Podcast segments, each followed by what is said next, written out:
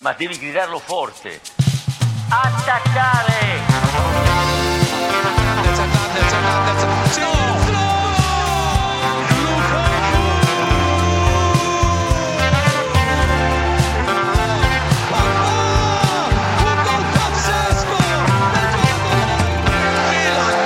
è campione d'Italia! Een hele goede dag en welkom bij Lo Stadio. Geen normale aflevering, maar een echte Napoli-special. Want Napoli is voor het eerst in eh, 33 jaar, of na 33 jaar moet ik zeggen, kampioen van Italië. Ik zit hier tegenover Wesley Victor Mak, Vincent Coppola en ik ben zelf eh, Willem Haak. En eh, wij gaan het komende uur praten over het seizoen van Napoli. Het seizoen van de nieuwe kampioen van Italië. Begin ik even bij jou, Vincent, want voor jou heeft het lang geduurd. Voor jou is het eigenlijk de eerste keer in je leven dat jij als Napoli-fan eh, een titel mag meemaken. Eh, hoe mooi is dat? Ja, het, eh, het is cliché, maar dat is bijna niet in, in woorden te vatten. De laatste titel dateerde uit eh, 1990, 29 april om precies te zijn. We zijn nu meer dan 33 jaar verder dus.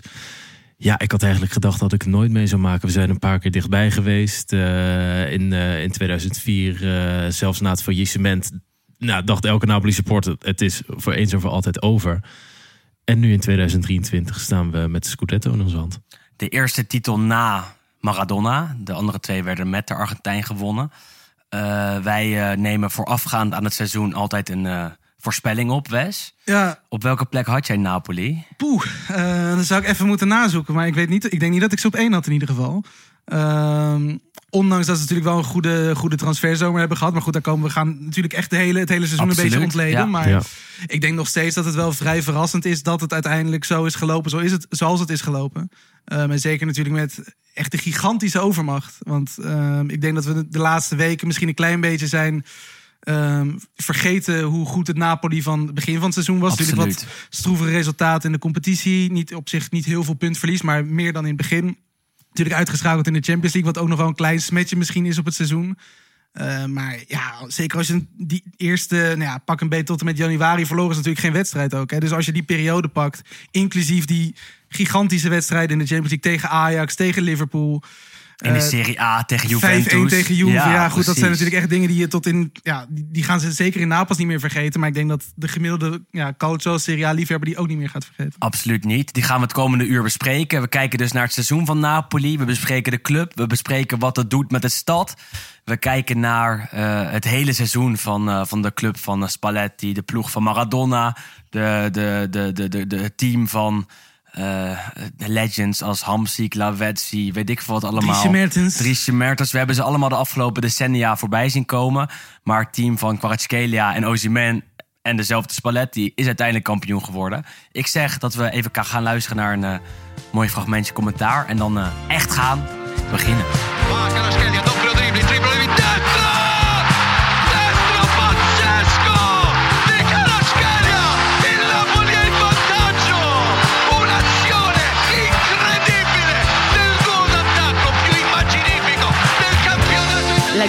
dello Stadio con Guglielmo e Wesley Vittorio. En dan moeten we natuurlijk bij het begin beginnen. Eh, We hadden het net al even over die eh, transferzomer. Afgelopen eh, jaar eh, Napoli een, een redelijk seizoen gehad. Niet, niet echt goed. Nee. Ehm, en dan vertrekken in de zomer ook nog een aantal basisklanten. Ja, Wes, je zei het net al heel even. een goede transferzomer eh, achter de rug. Ja, dat is nu natuurlijk heel makkelijk zeggen. Ik weet nog dat, dat ik aan het begin van het seizoen in de zomer moest ik een eh voice memootje voor de podcast opnemen om ja, een korte samenvatting te geven van, Van hoe het eh, van hoe het ging. In En- onze transfermarkt special was dat volgens mij. Ja, en dat was één grote leegloop. Kijk, eh, Napoli heeft natuurlijk eh, ja, een ja, best groot aantal jaren eh, gebouwd op, Mhm. ja, op de oude Senatori, noemden noemden ze die. Eh, grote spelers als Koulibaly, Mertens, eh, Insigne, ehm, maar ook Ospina en Fabian Ruiz, Fabian. Ruiz. Grote spelers die ook wel een groot deel van het salarishuis in beslag namen. Maar die vertrokken stuk voor stuk in de zomer van eh, 2022. En de spelers die daarvoor in de plaats kwamen, ja, Eh, er Qua een- status was het veel minder. Dat Er was best wel twijfel over. En achteraf ja. is het natuurlijk heel makkelijk praten, omdat het nu natuurlijk zo is gelopen. Alleen, Ja. het is wel opvallend natuurlijk de namen die binnenkomen. Zo, ja, Min Jae Kim was natuurlijk niet... Ja, stond het, diezelfde zomer of het jaar daarvoor in de belangstelling van PSV. Dan verwacht je niet dat dat nu de beste speler van, of de beste verdediger van de Serie A wordt. Kvaratskhelia. Nee. Natuurlijk, ja, niemand had hem bijna praktisch zien spelen. Ja, Rubin Kazan zie je niet vaak. Dat is het mooiste verhaal, ja, toch? natuurlijk. En hij speelde natuurlijk eh, heel eventjes tegen Spanje, volgens mij in de Nations League, hij heel goed was. Maar dat was denk ik het enige fragment wat misschien de, zelfs de hele fanatieke voetballiefhebber zich kan herinneren van die jongen van de Maar laatste dat is wel jaar. mooi, want eh, het seizoen vorderde. En we, we gaan wel blijven bij de transferperiode hoor. Maar eh Kvaratskhelia kwam binnen als grote onbekende. Ze Ja. legden een bedrag of- van, van 10 miljoen ongeveer voor hem neer. Ze haalden hem als vervanger van Insigne. was best wel wat kritiek op, want je had Kvaratskhelia als vervanger van Insigne. Insigne natuurlijk weg, naar Toronto gegaan. Gerenommeerde speler. natuurlijk in Zeker, best wel lang goed geweest voor Napoli. Aanvoerder. eh, liep de deur uit met wat ruzie met de Laurentis. Eh, en dan haal je een Georgiër die onbekend is als zijn vervanger. Eh, en daar zijn best wel wat twijfels over in eh, augustus 2022. Ja. Ehm, vervolgens vordert het seizoen en Kvaratskhelia blijkt fantastisch te zijn. In de voorbereiding al tegen Verona in een van de eerste wedstrijden. Volgens mij de eerste competitiewedstrijd van het jaar. Eh, echt super. Daarna in eigen huis tegen Monza. Noem het allemaal maar op. Hij bleek gelijk fantastisch te zijn. Ja. En vervolgens zie je allemaal analisten eh, en ex-scouts en ook huidige scouts zeggen dat zij uh, al Op de radar hadden. maandenlang eh, Ja, zagen. aangeraden met de club A, ja, ja. club. Eh, precies, Juventus was erbij geweest, Inter, Ajax, Milan. Milan. Eh, en en eh, dan trekken mensen toch naar zich toe. En Dan zeggen ze dat wij opportunistisch zijn. Precies, maar dat is grappig, want dan moet je eigenlijk naar onze eh, transfermarkt special eh, eh, luisteren, die we hebben opgenomen voor de vrienden van de show. Ehm, en daarin hebben wij het volgens mij ook over Kvaratskhelia. En toen was al wel bekend dat hij fantastisch was, maar was er nog wel wat twijfel over. En hetzelfde geldt voor Kim. Hetzelfde geldt voor eh, een aantal andere namen die Ja, dit jaar pas... Anguissa natuurlijk eigenlijk ook wel die niet per se een fantastische indruk heeft gemaakt natuurlijk bij, eh bij Fulham, waar hij natuurlijk nu direct vandaan kwam. Ja, had natuurlijk al wel een jaar bij Napoli erop zitten. Maar ja, zeg maar, de, de, de power en nee, continuïteit precies, die hij dit jaar heeft laten zien, had denk ik niemand verwacht. Hetzelfde geldt voor Lobotka, eh, die eh, bij Ajax is eh, weggestuurd een aantal jaar geleden. eh, via Celta de Vigo bij Napoli terecht kwam. Afgelopen seizoen eh, echt niet fantastisch was. En dit jaar de grote leider op het middenveld. Dus dan zie je wel aan dit Napoli dat ze eh, weliswaar afgelopen zomer al eh, herstructureerden. Maar dat die eh, heropbouw van een groots elftal al eerder was ingezet. Ja, het is ook gewoon een heel groot stuk inderdaad wat jij zegt, een beetje de ontwikkeling van de Ja. spelers. Want eh, inderdaad, een Lobotka, een Zelinski, een, een, vooral ook misschien juist die Lorenzo aanvoerder natuurlijk dit seizoen rechtsback. Ja. Die echt gigantische stappen hebben gezet de afgelopen nou ja, twee seizoenen, drie seizoenen. Ehm, en dat, ja, dat konden we zeker toen niet voor mogelijk houden, denk ik, dat het zo goed zou zijn. En ook op zoveel facetten en zo lang. En nu nog steeds natuurlijk, ja, ze zijn kampioen geworden met echt nog wedstrijden te gaan. Ja. Want het is niet alsof het seizoen nu afgelopen is, wat we natuurlijk voor de afgelopen paar keer zagen, dat de kampioen op de laatste speelronde ongeveer bekend was. Gewoon echt met. Ja, mijlenver. Hoeveel is het nog? Het- is begin mei. Ja. Wij wisten Niet in normaal. november al dat ze kampioen zouden worden. Praktisch. Ja. Hè? Het, het blijft Napoli. Afgelopen paar jaar, eh, jij zei het net al, best wel vaak dichtbij geweest. Maar eh, in november was het al duidelijk dat van alle ploegen in Italië Napoli by far het beste was. Ja, zeker in die periode met de eerste Champions League wedstrijden... waarin ze het ook op Europees niveau hebben laten zien... en ze tegelijkertijd de hele Serie A oprolden... ja, daar was echt niet tegen op te voetballen. En toch ja, kan je dat denk ik wel toeschrijven aan eh, technisch directeur eh eh, Giuntoli... die ja, wat de onbekende naam heeft gehaald. Ik denk de meest in het oog springende naam van afgelopen zomer... die naar Napoli is gekomen, is misschien wel Tanguy Ndombele. Ja. En dat is uiteindelijk de minst presterende Mhm, mhm. eh, aanwinst geweest. Dus ja, het, het, het, het, is maar, eh, het, het is maar weer eens kenmerkend dat, ehm eh dat Giuntoli het ja, toch heel goed kan hebben van wat onbekendere namen die uiteindelijk heel goed renderen. En ook de spelers eh, op elkaar goed laat aanpassen. Het zijn, niet misschien, het zijn misschien niet allemaal de fantastische individuele klassen die bovenaan op, op natuurlijk na en Osimhen ook wel. Maar En Kim misschien ook wel. Ja, maar het is wel allemaal past het ook heel goed bij elkaar. Ja. Het is één grote geoliede machine en dat is, eh, eh, dat is ontzettend knap. En wanneer dacht jij dat dit Napoli eh, heel goed was? Wanneer eh, realiseerde jij je dat dit een elftal was dat de Scudetto kon gaan pakken? Bij welke wedstrijd of op welk moment? Ik denk, ehm, kijk, Napoli heeft ook eh, vorig seizoen hebben ze de, hadden ze de eerste acht wedstrijden in de Serie A gewonnen. Eh, fantastische seizoenstart in Italië, wat ze wel vaker hebben gehad. En eh, toch zag je wel dat ze in de Serie A, naarmate dan zeg maar, het omslagpunt naar de winterstop kwam, kwamen ze altijd in een dip en haalden ze het net niet. En voor mij was kenmerkend hoe ze dat eh, dit jaar op Europees niveau eh, in de Champions League lieten zien. Eh, daarmee ja, lieten ze echt blijken dat, dat hun grandeur niet, niet tot de landsgrenzen van Italië beperkt zou blijven. Maar dat hebben ze eigenlijk aan de hele wereld tentoongesteld. Ja, en dat was zo goed en zo indrukwekkend dat ik wel dacht... Nou, die Scudetto die zit er eigenlijk wel in dit En dan jaar. bedoel je eigenlijk de 4-1 zege op Liverpool. Op, Ja, dat was 7, natuurlijk- dece- 7 september was dat. Ja, dat was eigenlijk de kick-off eh, van, eh, eh, van, eh, van een fantastisch seizoen. Ja, zeker. Toen waren ze zo goed. Eh, ik weet nog, ik eh, was die avond volgens mij naar eh, Ajax tegen Rangers geweest. Liep naar huis en in de trein had ik al Napoli aanstaan. Eh, en ik zag ze spelen en ze overrompelden dit Liverpool zo erg met eh, aanvallende druk, met goed spel, met techniek, met eh, goede combinaties. Ehm, eh, en dat zag je, dat ze werden, je zag dat ze werden ges- voortgestuwd door het Maradona. En dat was wel een magische wedstrijd voor mij. Dat ik dacht, jeetje, er is dus nog een Italiaans elftal dat een Premier League team kan wegspelen. En dat gebeurde echt bij Napoli tegen Liverpool. Waarbij Napoli 90 minuten lang beter was, aanviel. En zelfs met 7-1 eh, had kunnen winnen. Uiteindelijk werd het dus 4-1. Maar eh, wat, een fantastisch belangrijke zege was ook in die eh, groep.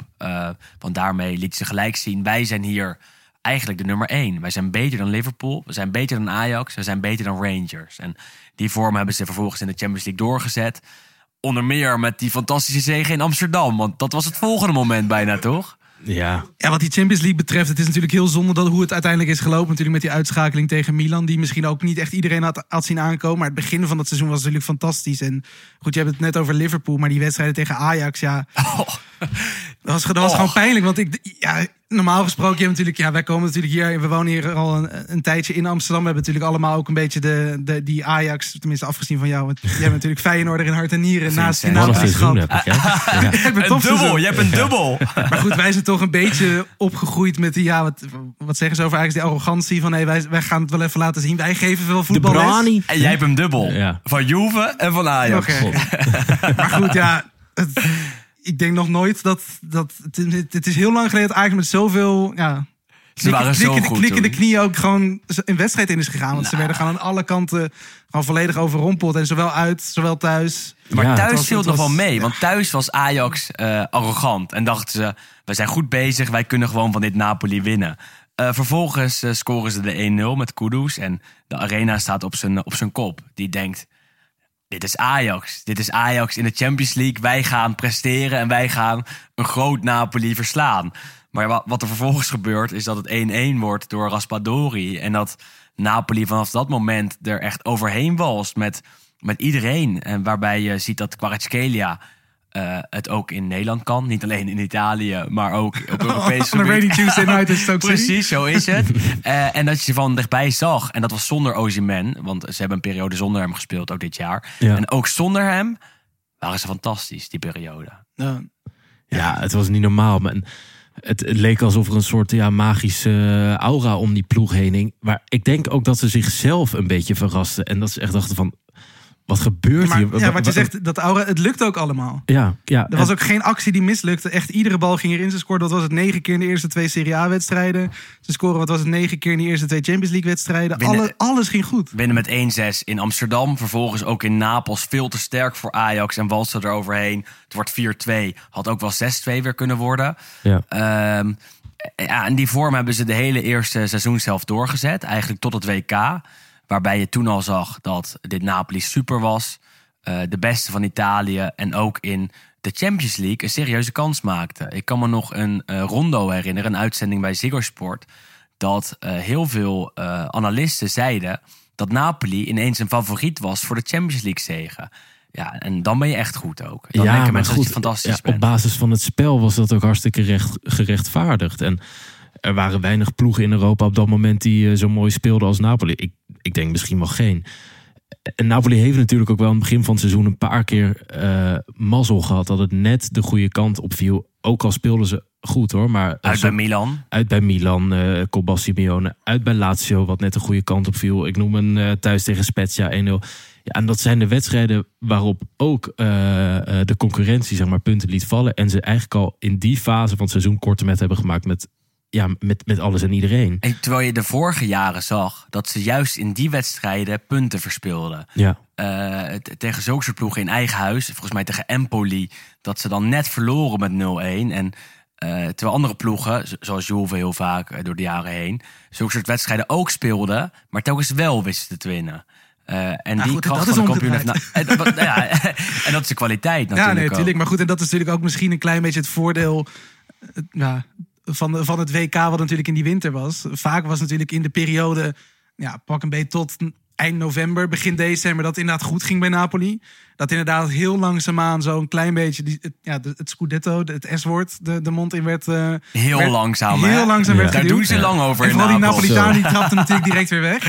Maar het ging vaak natuurlijk net mis zo rond die winterstop. Dus net de, de wedstrijd voor de winterstop, de wedstrijd na de winterstop. Vorig jaar, vorig seizoen, zijn wij bij Inter Napoli geweest. ja. Eh, toen was Napoli goed. Ze kwamen voor met Zielinski. Verdienden misschien zelfs te winnen. Maar Inter won die met 3-2 uiteindelijk. En dat was weer het punt in november, volgens mij 22 november... dat Napoli tot dat punt goed was geweest. En daarna punten Maar dat is eigenlijk het verhaal van de laatste jaren. Dat het Ja. inderdaad net zeg maar, op de turn van, de, van, de, van het seizoen gaat. Het, eh, ging het vaak mis. En goed, ze hebben nu natuurlijk heel december uit het, ja, uit het schema gepakt. En misschien is dat op de een of andere manier wel, wel positief gebleken. Want ze verloren dan weliswaar de eerste wedstrijd na de winterstop. Bij Inter Ja, weer. traditioneel. ja. Eh, dat, maar dat was de, inderdaad de eerste nederlaag. En eigenlijk direct daarna hebben ze hem ook weer gewoon opgepakt. En zijn ze gewoon weer doorgegaan. En vooral natuurlijk ook, dat moet wel gezegd worden... dat heel veel andere ploegen hem bovenin heel veel punten hebben verspeeld. Want Maar dan hou je te veel weg nee, bij tuurlijk, Napoli. maar Napoli heeft gigantisch veel gewonnen. Maar het is natuurlijk ook dat ze zo vroeg kampioen zijn geworden. Natuurlijk ook een beetje te danken aan eh, onkunde bij, eh, bij de rest. Twijfelde jij na de nederlaag bij Inter nog over de Scudetto? Ehm, nou, toen heb ik hem wel een paar keer afgeklopt, ja. Ja. En eh, het zit echt in het DNA van Napoli om eh, na een kleine tegenslag echt weer een flinke eh, dip naar beneden te maken. En kijk, het, eh, het is wel wat, eh, wat, wat Wes net al zegt.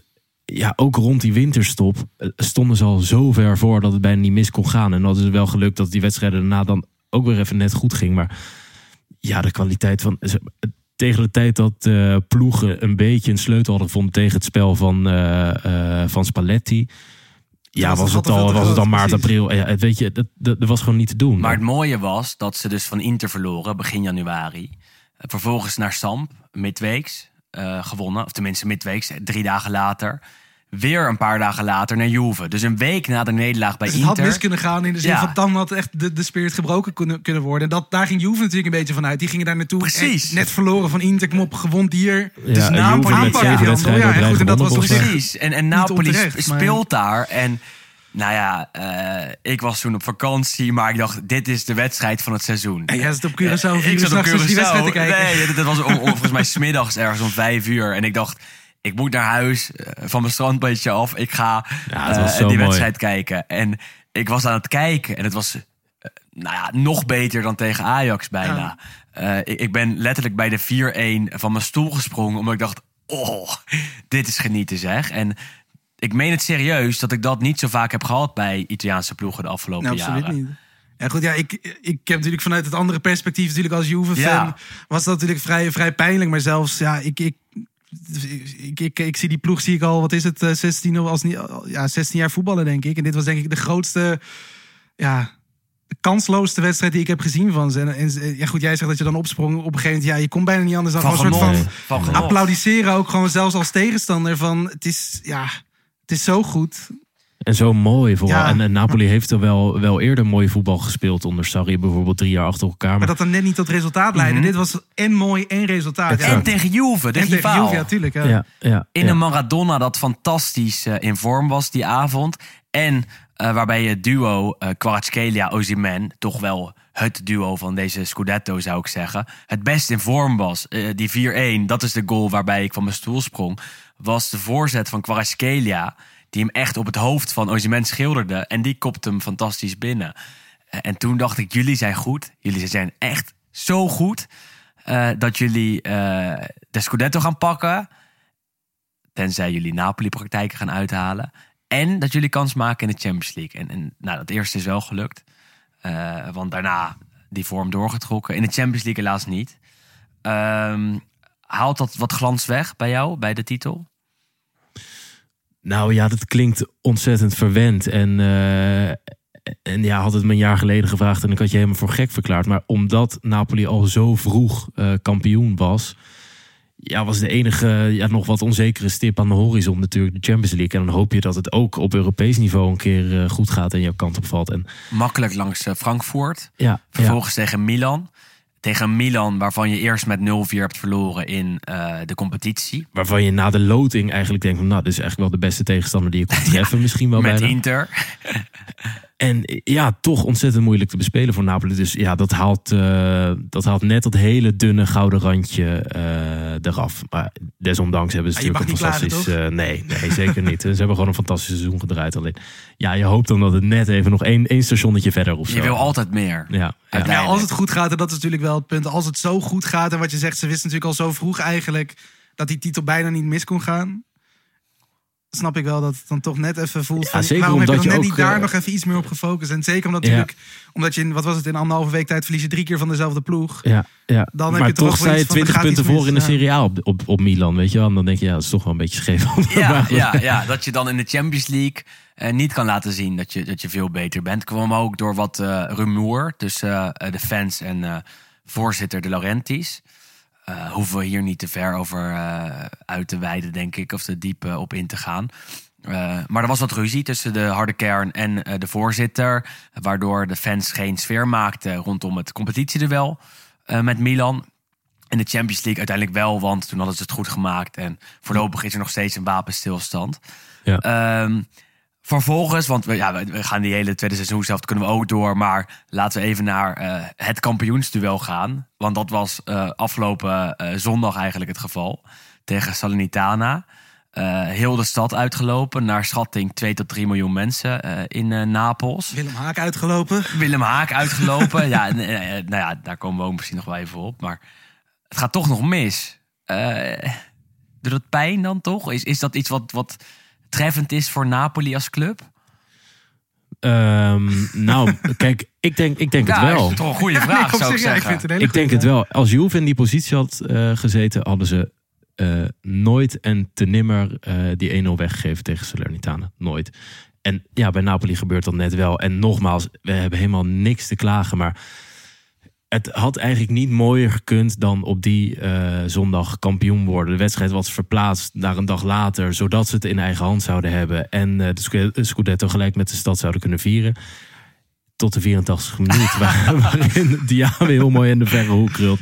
En ja, dat is dan toch wel weer een beetje typisch. Eh, maar goed, ja. De Scudetto Sospeso, zeiden ze. Een beetje op Napolitaans gebruik. Ja, in Napels heb je natuurlijk de Café Sospeso, waarin je naar een eh, barretje gaat, twee koffies bestelt, er eentje opdrinkt en er eentje laat liggen voor degene die hem eigenlijk niet kan betalen, wat een heel mooie en eh, nobele traditie is.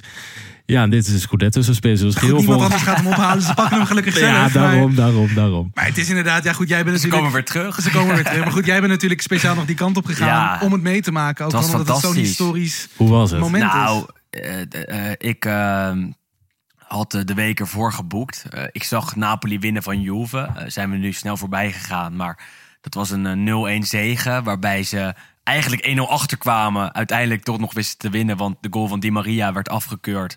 En even later scoorde Raspadori wel. Eh, ik zag die goal en toen bedacht ik me... oh ja, hierdoor kan Napoli kampioen worden tegen eh, Salernitana, een eigen huis. En toen begon het toch wel eh, te kriebelen. De volgende dag, ik naar werk in Hilversum, ik op mijn telefoon... en zag dankzij jou, Vincent, een filmpje van de Instagram van Zambo Anguissa. Anguissa. Ehm, waarop zij in de spelersbus zaten. Ze waren teruggekomen uit Turijn Midden in de nacht. midden in de nacht al eh, onthaald door fans op Capo di Chino, het, eh, het eh, vliegveld. En nou, dat was al mooi. Ik had al filmpjes gezien met Kvaratskhelia met een hoed Met een op. cowboyhoed op. Ja, geweldig. Anguissa met een pruik zelf. Zelfs Lozano mij. werd toegezongen. Ja, zelfs. Lozano. Die, die is helemaal niet geliefd daar. En eh, nou ja, op een gegeven moment die bus toch weg bij het vliegveld. En Anguissa maakt een filmpje eh, van de achterkant, vanaf de achter, achterkant van de, van de bus, eh, door de achterruit heen. En daar zie je, ik denk, 50 scooters. Ik Misschien denk, wel dat er wel meer. ik denk dat er wel meer zijn. Ik denk dat Ja. zonder overdrijven dat er gewoon 150 of 200 gewoon uit die tunnel kwamen, toeterend. Op sommige zaten er denk ik gewoon drie of vier Ja, dat mensen is mooi inderdaad. Jij zegt 100 scooters, maar ik denk dat er 500 mensen Nou, onder- ja, ja, precies. Die zaten De opgestapeld. verdeling tussen mensen en scooter was En dat was eh, zo'n. Napolitaans filmpje. Want hij filmde dat en postte dat op Instagram. En je zag dus al die scooters. En je hoort die spelers ook denken van, Wat is Jezus. dit? Ja. En toeteren, lampjes aan, ja. En je hoort ze ook zeggen van, jezus, kijk, kijk uit, kijk kan uit, niet kijk goed uit, en toen zag ik dat en toen dacht ik, jeetje, dit, dit is wel fantastisch. Ik, ik moet eigenlijk naar Napels, want eh, ja, het kon ook. Ik, ik, ik eh, was het weekend eh, vrij in principe. Ging puzzelen. Nou ja, vliegtickets allereerst niet te betalen. Hotels, allemaal volgeboekt. En als je dan ook maar een uur langer twijfelt, is alles nog duurder en nog Ja. meer volgeboekt. Uiteindelijk was het maandagavond, ik thuis al de hele dag een beetje zitten puzzelen hier. want we nemen bij mij thuis als studio op. Eh, ik denk drie uur zitten kijken naar, naar alles en het ging maar niet. En toen op een gegeven moment eh, een soort van met, met zo'n stress op mijn kaak eh, eh, gaan slapen. Ik dacht van, oh, ik moet, ik moet ook een beetje uitrusten. Volgende dag Ja, wakker. maar dan zit je dacht helemaal in de tunnel. ja, hè? dan zit je in de tunnel ik, ik moet er toch heen. En eh, volgende dag wakker, eh, ik en, en een goede vriend geappt, wil je niet gewoon mee? En hij zegt ja, en hij kan goed video's maken. Dus nou, konden we ook nog wat, wat geld aan verdienen misschien. Of tenminste, hè, er werk van maken. Eh, nou, ik puzzelen en hij zei, kunnen we niet gewoon ergens anders slapen? Ik eerst wat geboekt, net buiten Napels. Tenminste, in een buitenwijk van Napels. Eh en dacht, chill, te betalen hotel, niks aan de hand. Eh, we vliegen wel ergens anders heen, we komen wel in, eh, in Napels. Dus naar Vincent geappt. Die kent Napels beter dan ik. Is dit wat? ja, half uur geen reactie, half uur later. Ja, ah, Nou, ik zou, ik zou het niet doen. dit, dit is niet echt veilig. Dit moet je toch niet doen. Ja, je, je had een hotel uitgezocht in eh, Barra. En eh, ja, dat is een soort gemeente achter de Vesuvius. En dan niet het meest, meest eh, pittoreske deel van eh, Napels, om het zo maar te zeggen. En uiteindelijk heb je een hotel in eh, Salerno helemaal Precies. geboekt. En ja, uiteindelijk is dat denk ik wel de goede keuze geweest. Absoluut. Dus wij geboekt uiteindelijk. Gevlogen op Florence met de trein naar Salerno. En elke keer vanuit Salerno gependeld naar Napels. Eh, en daar waren we zaterdag. Eh, en zaterdag kom je dan uit het eh, centraal station van Napels lopen. En dan zie je overal al versiering. Je zag overal linten over de straat heen gespannen met blauw-witte kleuren. Je zag overal Kvaratskhelia, overal Ozyman, overal Maradona, overal trainingspakken. Je zag bruidsjurken in het blauw. Je zag mensen toeters verkopen die, die echt gretig eh, aftrek vonden. Die werden echt veel verkocht. Eh, je zag een Ozyman-masker dat, dat eh, door veel eh, straathandelaren werd verkocht. En toen dacht je, ja, dit is echt al een feestje. Dus daar zaterdag ook rondgelopen in de steegjes. Naar een fruitkraam geweest, waar, waar muziek op stond. Tenminste, die zagen we van een afstand. We dachten, we gaan erheen. Stond een mevrouw met een, een blauwe pruik op te dansen en te springen en fruit te verkopen. Ja. En, Maar en dat, is, dat is toch zo mooi aan Napels. Ja. Ik, ik ja, durf te stellen eh, dat eh, Napels als stad daar eh, ook wel vrij uniek in is. Nou, dat, dat in, in mag jij Europa. stellen, dat moet je stellen zelfs, denk ik. Kijk, Ja. het, het, was een beetje, ja, ze vergelijken Buenos Aires wel eens met Napels als stad. En ja, daar deed me ook een beetje aan denken. Natuurlijk, zowel door de blauwe als witte linten, wat bijna een soort Argentijnse versieringen waren. Maar ja, de chaos, het rumoer, de dansende mensen, de muziek, alles beweegt. En het, het is ja, één grote, ja, eh, hoe noem je dat? Huishouden van Jan Steen bijna Ja. op straat. Maar ja, het werkt wel. En het is zo vreugdevol en zo mooi. En, En iedereen kent alle nummers. Dus Ja. bij de mevrouw stonden denk ik een stuk of dertig mensen. Nou, het ene na het andere nummer. En allemaal dansen en, en springen en meezingen en, en klappen. Eh, en dat was eigenlijk misschien wel het mooiste moment van het weekend. Want toen dacht ik zo, dit is echt, echt schitterend. Ja, het zit zo Eh, diep in de kern ja. van al die Napolitanen om, eh, om dat zo te vieren. Zeker na 33 jaar. Dus ja, dat zijn wel de mooie beelden, ja. Het, het betekent alles toch voor de stad? Ja, goed, en wij hebben natuurlijk, toen we ooit Lo Stadio begonnen, hebben we natuurlijk een soort introtekstje geschreven van wat Italiaans voetbal voor ons nou zo mooi maakt. En dat zijn dan inderdaad alle chaos buiten het veld met trainers ontslagen, met gekke directeuren, presidenten, voorzitters. Maar vooral, en dat is eigenlijk wat we vanaf het begin ook een beetje hebben geprobeerd te incorporeren natuurlijk in al onze afleveringen, is inderdaad gewoon die passie die je ziet. En zeker in het zuiden is die passie nog heftiger natuurlijk dan in het noorden. Maar Ja, dit ja. is denk ik echt wel een beetje de soort van bijeenkomst van alles wat we door de jaren heen hebben verteld over Napels en Napoli in een weekend gepropt. Dat is het. En ik stond daar en, en bij dat eh fruitkraampje en de mevrouw te dansen en met mensen aan het springen. Eh, en nou ja, ik, ik, ben, ik ben niet emotioneel of zo. Maar ik dacht wel, ik kreeg wel echt kippenvel. En ik dacht, dit is echt Maar dit- fantastisch. het Dit, is, zo mooi. graal van eh, voetbalgekte. En het, het zit zo aan de oppervlakte. En hoeft maar dit te gebeuren. En die hele stad staat op stelt. En ja, dat is geweldig. En ja, je moet je voorstellen, Zuid-Italië is natuurlijk een stuk eh, armer. En eh, nou ja, minder welvarend dan, eh, dan het rijke noorden. Maar in Milaan zou je dit nooit zien. Nee, maar dat is het. Dus mensen moeten zich eh, vastklampen aan eh, ja, toch de wat ja, mindere geluksmomenten die ze in hun leven hebben. En eh, ja, daarin is de voetbalclub Napoli natuurlijk ook nog eens als enige ja, professionele voetbalclub uit de stad. Ja, is daar, is daar het, het voorbeeld van waar, waar mensen zich echt gelukkig van kunnen maken. En zich ook even kunnen onttrekken aan de werkelijkheid. eh, die zich eh, ja, soms ook op een eh, rauwe stoep Ja, afspeelt. wat jij zegt, het is echt een soort religie. Want je, Ja. je vergelijkt Napels natuurlijk nu net eventjes met Buenos Aires. Waar natuurlijk ook de, hoe zeg je dat, de shrines en de tempeltjes en de dingetjes met een haarlokje van Maradona hier en een shirtje van Ja. Maradona daar. Goed, eigenlijk is natuurlijk Napels hetzelfde ook met Maradona. Eh, maar daar zijn nu natuurlijk ook zeker dit seizoen een paar spelers bijgekomen. We kennen natuurlijk al die murales van Maradona op dat mooie plein. Mertens is natuurlijk een paar jaar geleden bijgekomen. Insigne heeft er een paar. Ja. Hamsik heeft er een paar. Ja, en dit seizoen natuurlijk Kvaratskhelia en Ozyman ook echt wel gretig. Fantastisch. Het Ja. Die zullen de komende uit. jaren blijven die gewoon natuurlijk ook leven in die stad, zeg maar. Dus, dus wij zaterdag en zondag door die stad. En overal hangen gewoon op dit moment eh, eigenlijk drie spelers. En dat zijn eh Kvaratskhelia en Osimhen en Maradona. Want Maradona zie je overal. Ja, en het mooie is, kijk, eh, als dit eh, in een Nederlandse stad zou gebeuren, dan zouden al die eh, graffiti dingen die op de muur worden gespoten, allemaal heel gelikt en mooi eruit zien. En in Napels is het allemaal zo houtje touwtje en dat maakt het zo charmant. Mensen doen echt, ja, met hun eigen blikken verf trekken ze open en die gaan hun de voordeur, gaan ze een hoofd van Maradona opschilderen of een Scudetto of weet ik veel, de linkerteen van Dries Mertens. En ja, dat is zo mooi, want iedereen doet het echt op zijn eigen manier. En ja, er komt eigenlijk geen eh, professionaliteit aan te pas. Maar ja, toch die, die weerwar, dat, eh, dat maakt het plaatje Maar het is natuurlijk echt een religie, compleet. want iedereen doet er ook aan mee. We hebben natuurlijk de bakkers gezien die een Ozyman taart maken. Ja. We hebben natuurlijk met het- masker wat Ozyman droeg, wat ook echt op verschillende, honderden verschillende manieren is geïncorporeerd worden, die ook gewoon verkocht als zijn En de souvenirtjes. Een huis. Een huis, inderdaad gewoon een volledig gebouw wat is geverfd. Ja. Onder bruin, dan Ja, het zwarte, ja, ja, het zwarte ja, masker en dan ja. boven die de blonde, de blonde.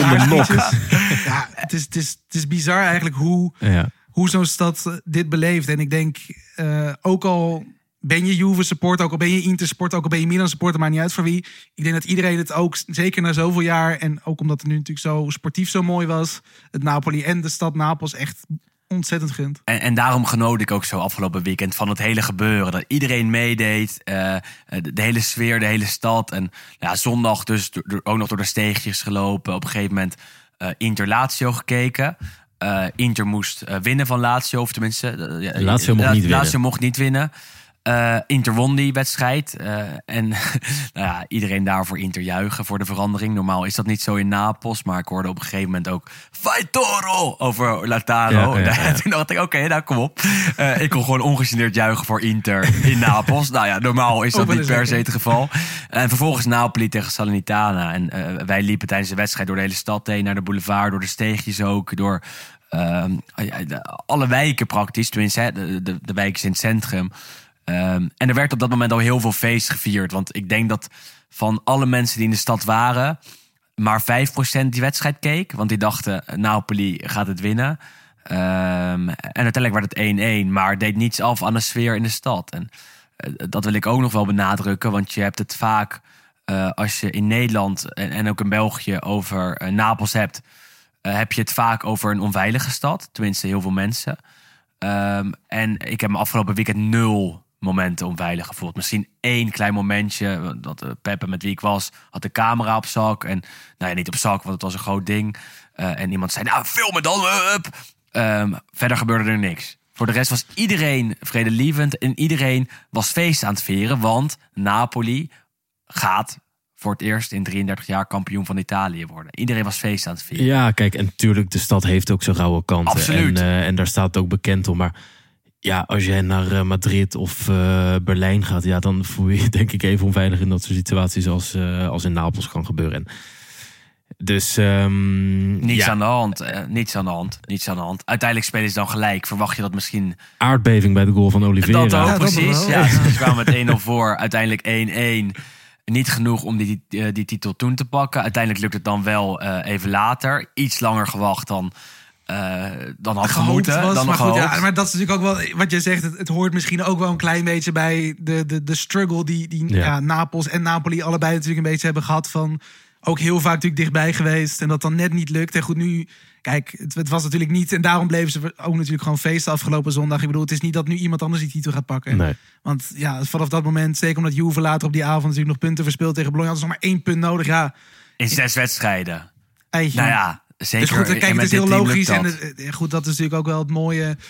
Het betekende niet die gelijkmaker van Dia in de 84e minuut van Salernitana. Het einde van die droom. Want die droom die is nog steeds springlevend. En het feest dat is gewoon alleen nog maar door blijven gaan. Ja. Laten we even naar de column van Juriaan van Wessem. Want die duikt nog dieper in de Scudetto van Napoli. La settimana di Giorgio. Stai lontana dal suo A te volo cuo pensiero. Niente voglio, niente spero. Ca tenerte sempre a fianco a me. Het Campo del Moricino was die middag volgestroomd. Het veld, eigenlijk een plein, lag net buiten de stad in 1268. De Napolitanen waren massaal toegestroomd naar dit veld om een glimp op te vangen van de jonge man die hun koning had willen worden, maar door een verloren veldslag bij Tagliacozzo en een verraad bij zijn vlucht nu ter dood werd veroordeeld en op het schavot zou worden onthoofd. De Napolitanen wilden hem de laatste eer gunnen door massaal hun afkeuring te laten blijken. Conradijn, oftewel Corradino zoals de Napolitanen zeggen, was nog een tiener, maar wel de kleinzoon van keizer Frederik II, de Stupor Mondi. En dus de wettige troonopvolger. Alleen had een verraderlijke paus, Karel van Anjou, aangewezen als de nieuwe koning van Napels. En van die man moesten de Napolitanen niet zoveel hebben. En toen deze koning uit wraak besloot om Conradijn te laten onthoofden, was het voor de Napolitanen duidelijk dat het noodlot zich weer tegen hen keerde. Conradijn stond op het schavot en kreeg nog de kans om iets te zeggen. Hij smeekte om zijn moeder en schaamde zich dat zij zou moeten horen dat hij zijn roekeloze wens om Napels te veroveren met de dood moest bekopen. Opeens deed hij zijn handschoenen uit en gooide die naar het volk. De Napolitanen verstopten die snel voor de toekijkende wachters van de echte koning. De handschoenen werden een symbool voor het verzet en zouden nog een oorlog tot gevolg hebben. Ik moest aan Conradijn denken als geschenk dat Napels nooit had gekregen toen Kvaratskhelia dit seizoen de Napolitanen iets gaf waar ze nooit rekening mee hadden gehouden. Een held die uit het niets was gekomen en eigenlijk binnen een jaar onvergetelijk is met de derde Scudetto als de kroon op dit seizoen. De handschoenen van Conradijn als het kampioenschild van Kvaratskhelia. Over een paar jaar zullen we ons nog altijd afvragen waar die Kvitscha Kvaratskhelia opeens vandaan kwam. Eigenlijk door Napoli opgepikt als gevolg van de oorlog in Oekraïne. Drie jaar speler van Rubin Kazan. Door insiders misschien wel opgemerkt, maar toch wel anoniem via Dynamo Batumi in Napels gekomen. Alsof het zo moest zijn. In één klap zijn de lievelingen Hamsik, Insigne en Mertens vergeten. Want Quaradona brengt Napoli die lang verwachte derde Scudetto. En dat in een week dat het bloed van San Gennaro traditioneel ontstolt. Er moet zeker sprake zijn van een wonder. Napels, de stad op het Europese vasteland met de meeste inwoners vanaf de middeleeuwen tot aan de industriële revolutie. De metropool onder de metropolen. Napels, de stad waar zelden wat goed gaat en waar tot in het begin van de jaren 70 cholera-uitbraken werden gesignaleerd.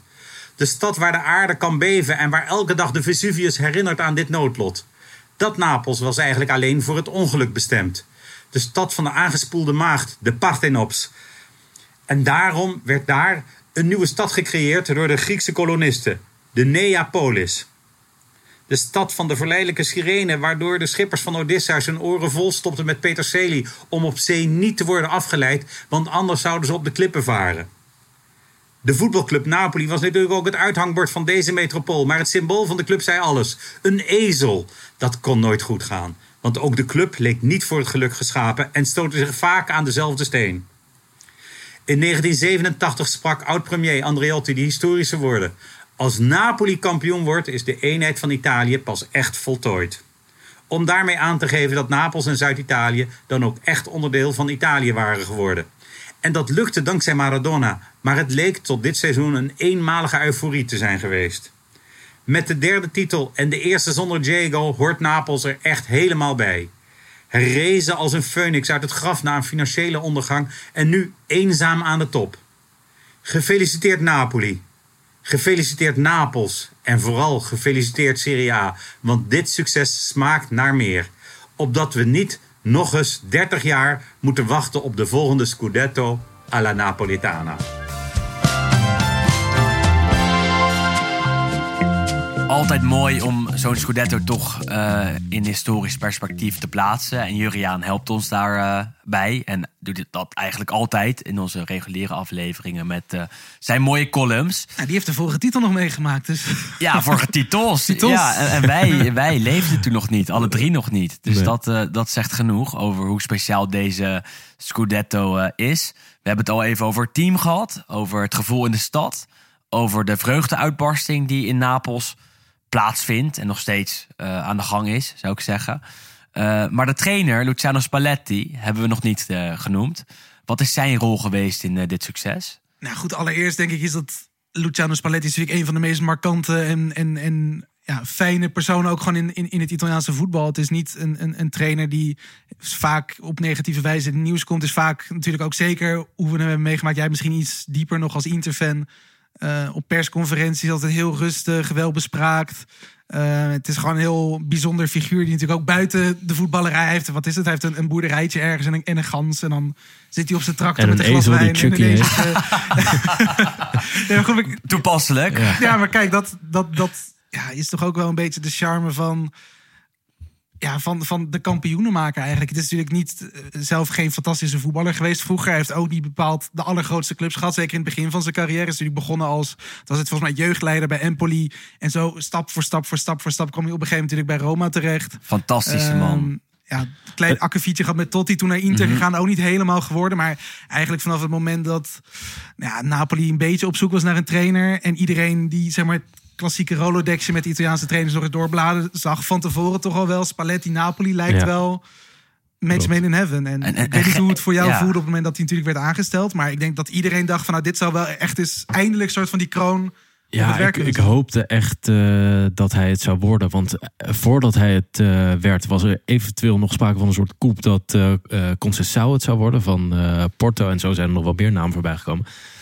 Maar ehm, ja, je zegt het net al, Spalletti is eh, de trainer bij uitstek voor eh, Napoli. En natuurlijk legt hij fantastisch eh, spel op de mat. En natuurlijk is het een goede trainer. Maar het is ook wel een eh, trainer met een stuk eh, dramatiek en eh, passie en een goed verhaal en een beetje filosofisch inzicht. En dat zijn ja, ingrediënten die hij eigenlijk mondjesmaat aan, aan het volk van Napels heeft gevoerd. En ook, en, en ook als een soort van samenwerking met, met de Laurentiis heel mooi ten heeft gebracht. En dat maakt deze titel des te mooier. Het is echt een man van eh, Napoli en eh, van de stad is hij geworden. En ja, de, de bewondering die hij, eh, die hij uitspreekt voor, voor zowel de club en de stad als, als, als voor de fans. Ja, dat gaat er natuurlijk als zoete koek in. Hij refereert heel vaak aan Napels in zijn persconferenties. Ja. En dat is denk ik best belangrijk voor een trainer van Napoli. Dat je die binding met de stad niet verliest. En hij laat elke keer zien, elke week, elke persconferentie, dat hij eh, laat hij zien dat hij de man is die voor Napels staat, voor Napoli staat. En dat is denk ik super eh, mooi eh, om te zien allereerst. Maar ook mooi voor de, de bevolking van Napoli. Dat zij een man hebben die hen vertegenwoordigt. En En het is natuurlijk ook echt een beetje een soort schoolmeester in die zin. Je hebt Absoluut. hiervoor natuurlijk onder andere met Ancelotti... die natuurlijk een soort gelijke, ja, misschien niet status, maar vibe afgeeft. Maar natuurlijk met Gattuso had je iemand die...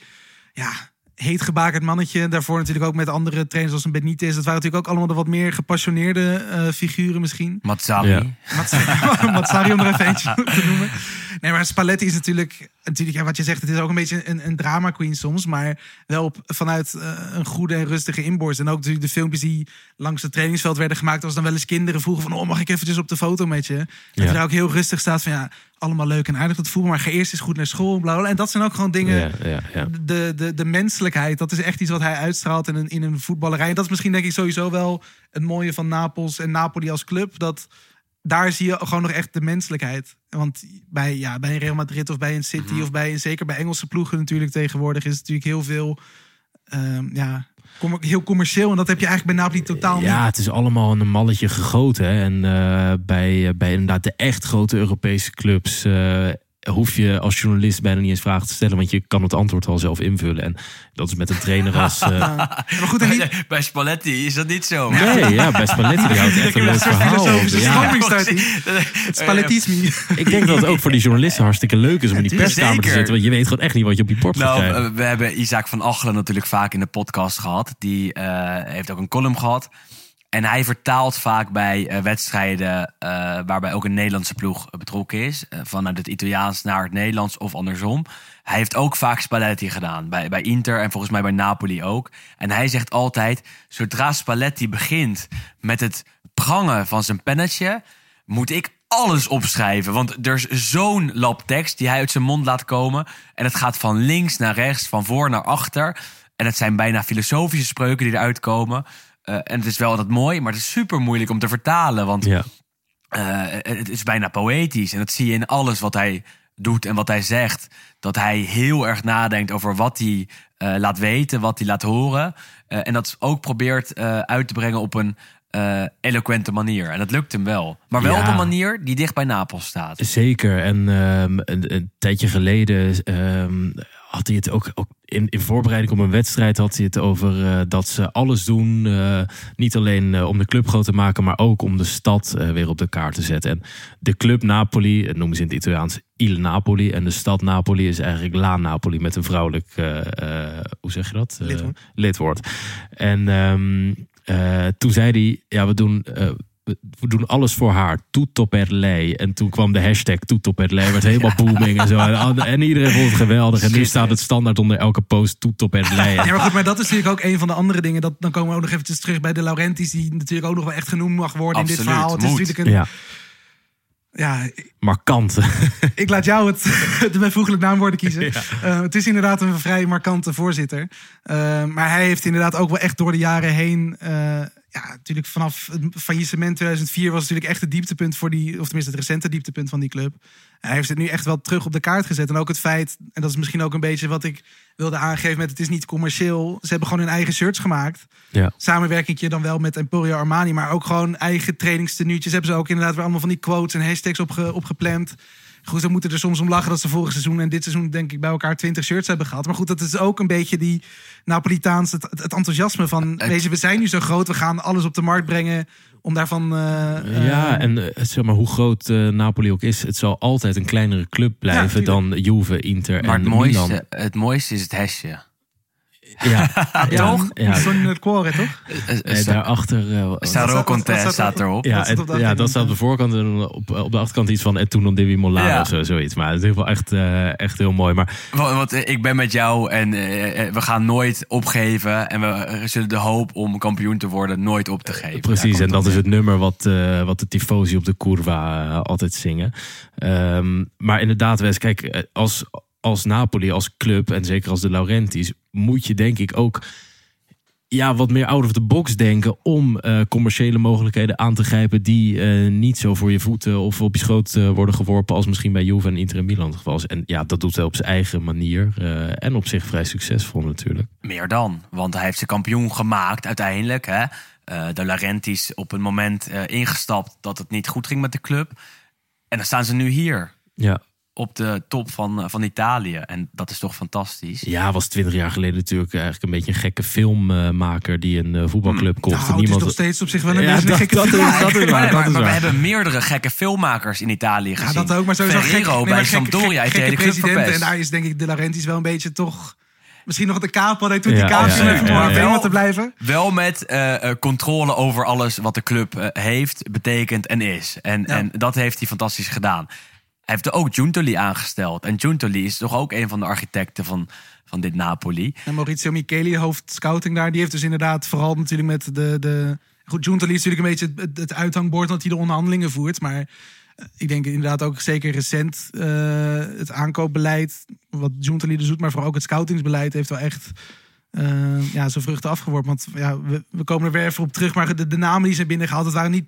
Nee. ja, het waren geen Europese wereldsterren Nee. sterren of, of internationale Nee, bekende, bekende namen. Absoluut. We moeten wel wegblijven van de mythe dat ze geen geld hebben uitgegeven. Dat is een tijdje zo geweest, dit jaar ook. Maar als je kijkt naar de aanval, dan zie je dat Politano, eh, nee, dat Lozano bedoel ik, voor 40 miljoen is gekomen van PSV. En dat er voor Osimhen 80 miljoen is neergelegd. Dus er zit wel degelijk geld in het elftal. Minder geld dan bij de grootmachten uit het noorden, hè, dan bij, eh, bij Inter, en Milan en, en Juve. Vooral bij Inter en Juve zou ik zeggen, ook qua salarissen. Maar er is wel degelijk geld in het elftal gestoken om het zo goed te laten worden. Ja, maar ehm, eh, inderdaad, de Laurentiis is niet bang om geld uit te geven, maar doet dat toch altijd zo eh, wel overwogen. Hoewel er soms een miskoopje tussen zit, eh, zoals een Milik die misschien niet helemaal naar, naar, naar de standaard heeft, heeft gepresteerd.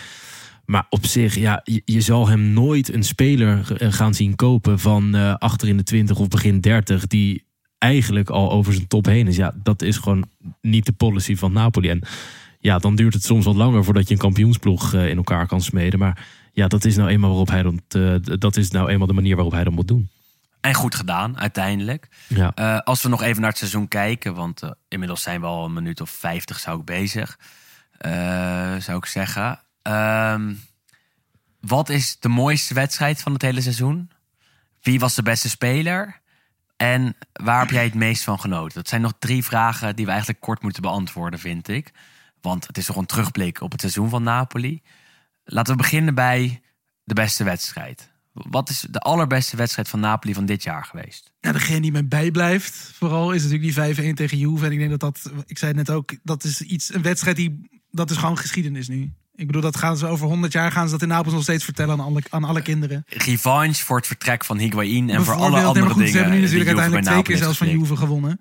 Uh, maar ik denk dat dat inderdaad echt wel het, het, het was ook gewoon heel symbolisch, denk ik. Het is natuurlijk, ja, Juve is wel in een mindere fase, maar zijn natuurlijk de afgelopen twee seizoenen ook niet kampioen geworden. Dus het was niet een directe overgave van een soort van de macht.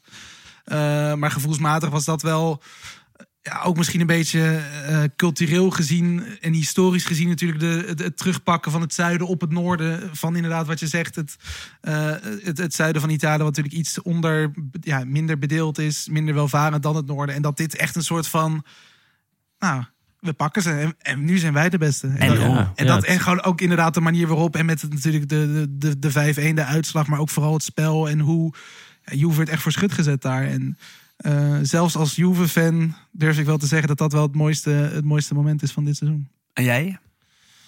Ja, het is eigenlijk moeilijk kiezen. En uh, Napoli-Juve staat, uh, staat zeker ook uh, hoog op het lijstje. Maar ik denk dat Napoli-Liverpool, we hebben het net al even aangehaald, echt ja, het startschot was van, van de potentie die Napoli dit jaar in zich had. En ook, ook ten uitvoer heeft gebracht. En ja, de kracht uh, die ze tijdens die pot hebben laten zien. Zeker uh, ook na het wegvallen van Ozyman, volgens mij na een minuut of 20, 25.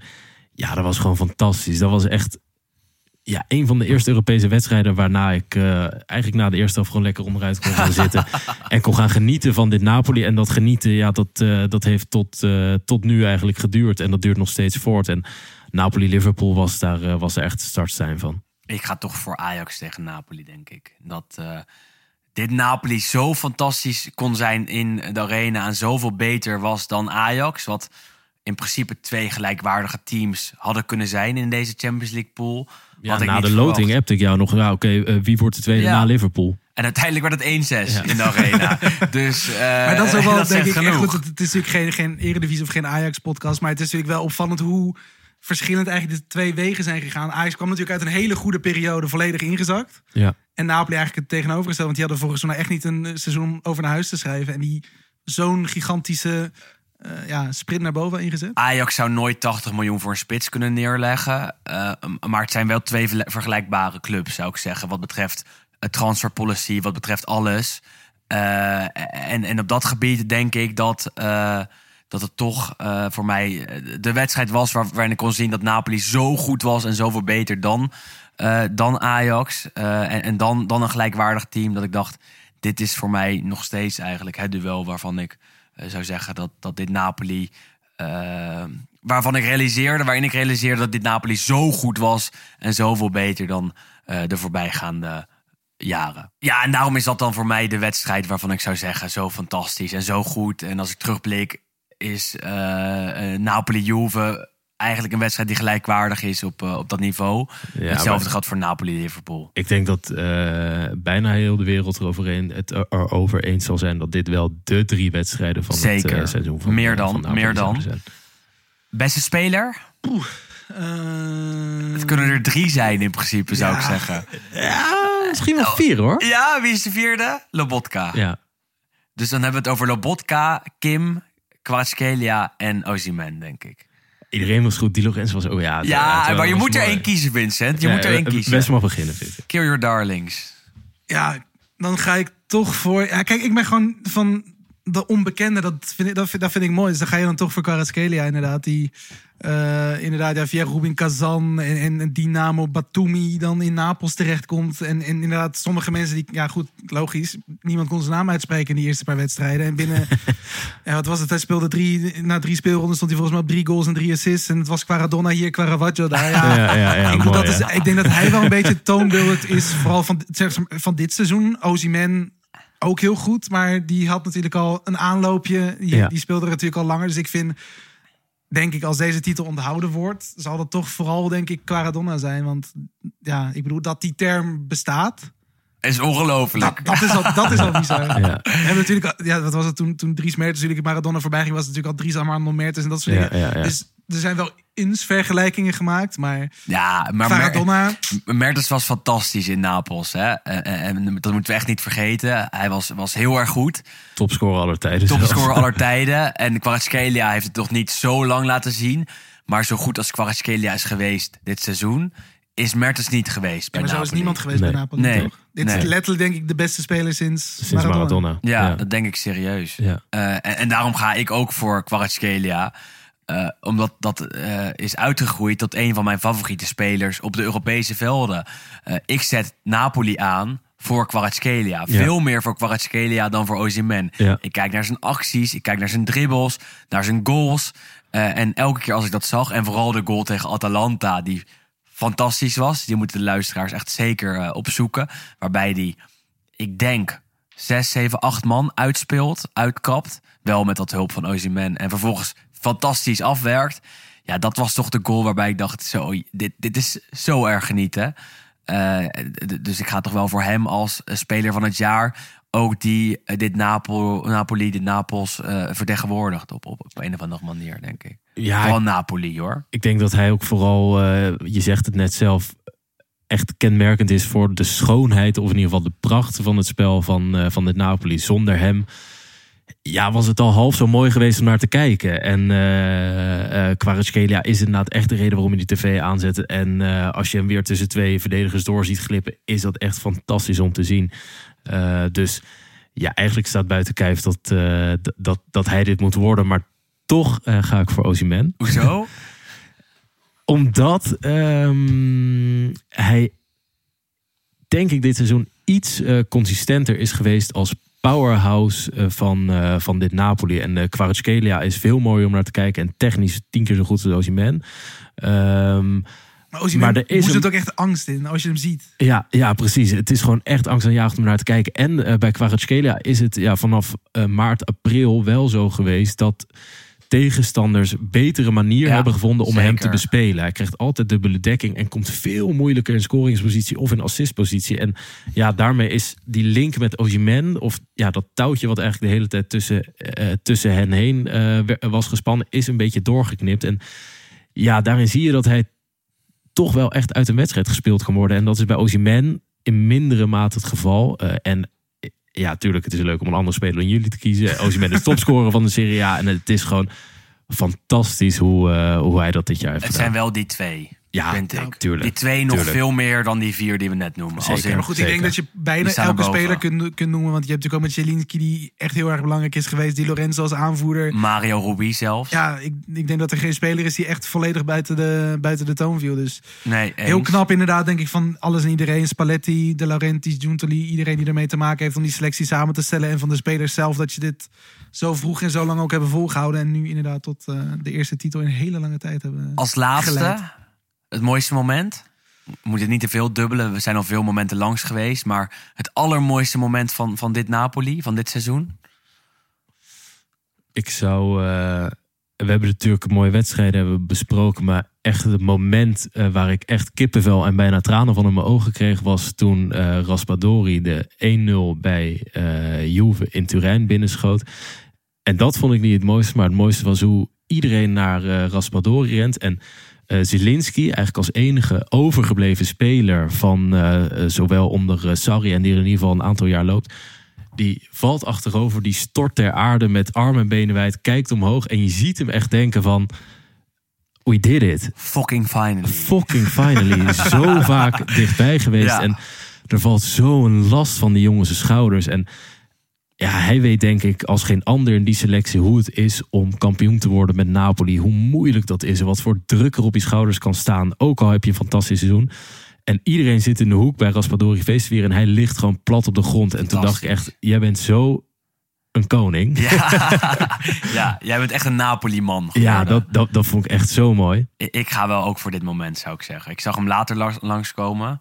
En dacht ook, dit is wel ehm, iemand die dit echt vertegenwoordigt. En die het heeft meegemaakt. Eh, Hetzelfde veld, dezelfde minuut, dezelfde overwinning op Juve... als een aantal jaar geleden toen ze uiteindelijk de titel nog eh verspeelden. Maar een andere afloop. Want dit Ja. keer wordt Napoli wel kampioen. Ja. Dus het was heel symbolisch, vond ik. Want destijds... En hij was de ook- enige die daar toen bij is Precies. geweest. En destijds dachten we ook, dit Napoli gaat kampioen worden. Uiteindelijk verpesten ze het nog door eh, even later maar 3-0 bij Fiorentina te verliezen. Triplette Simeone. zelfs. Precies, Ja. dat ook nog Ja. eens. En eh, Juve won diezelfde speelronde wel bij Inter met heel veel pijn en moeite. En dit keer was al duidelijk dat ze dezelfde uitslag neerzetten, maar wel die titel gingen pakken. Ja, en hij leek zich dat gelijk te beseffen. En ja, dat was, dat was schitterend. En, en tegelijkertijd zag je daarna dat feest in Napels, wat ik ook fantastisch vond.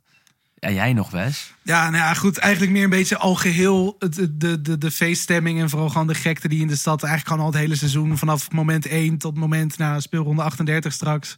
Is gewoon één groot feest geweest. Want ze zijn natuurlijk gigantisch goed begonnen met die 5-2 tegen Verona. 4-0 tegen Monza, bla bla bla. En vanaf het eerste moment, ja goed, wij zitten, we, zitten, we komen niet, niet heel vaak in Napels natuurlijk. Maar je krijgt heel vaak krijg je foto's doorgestuurd. Of, of natuurlijk zie je op social media dingen voorbij komen. En vanaf het eerste moment stonden er al drietjes.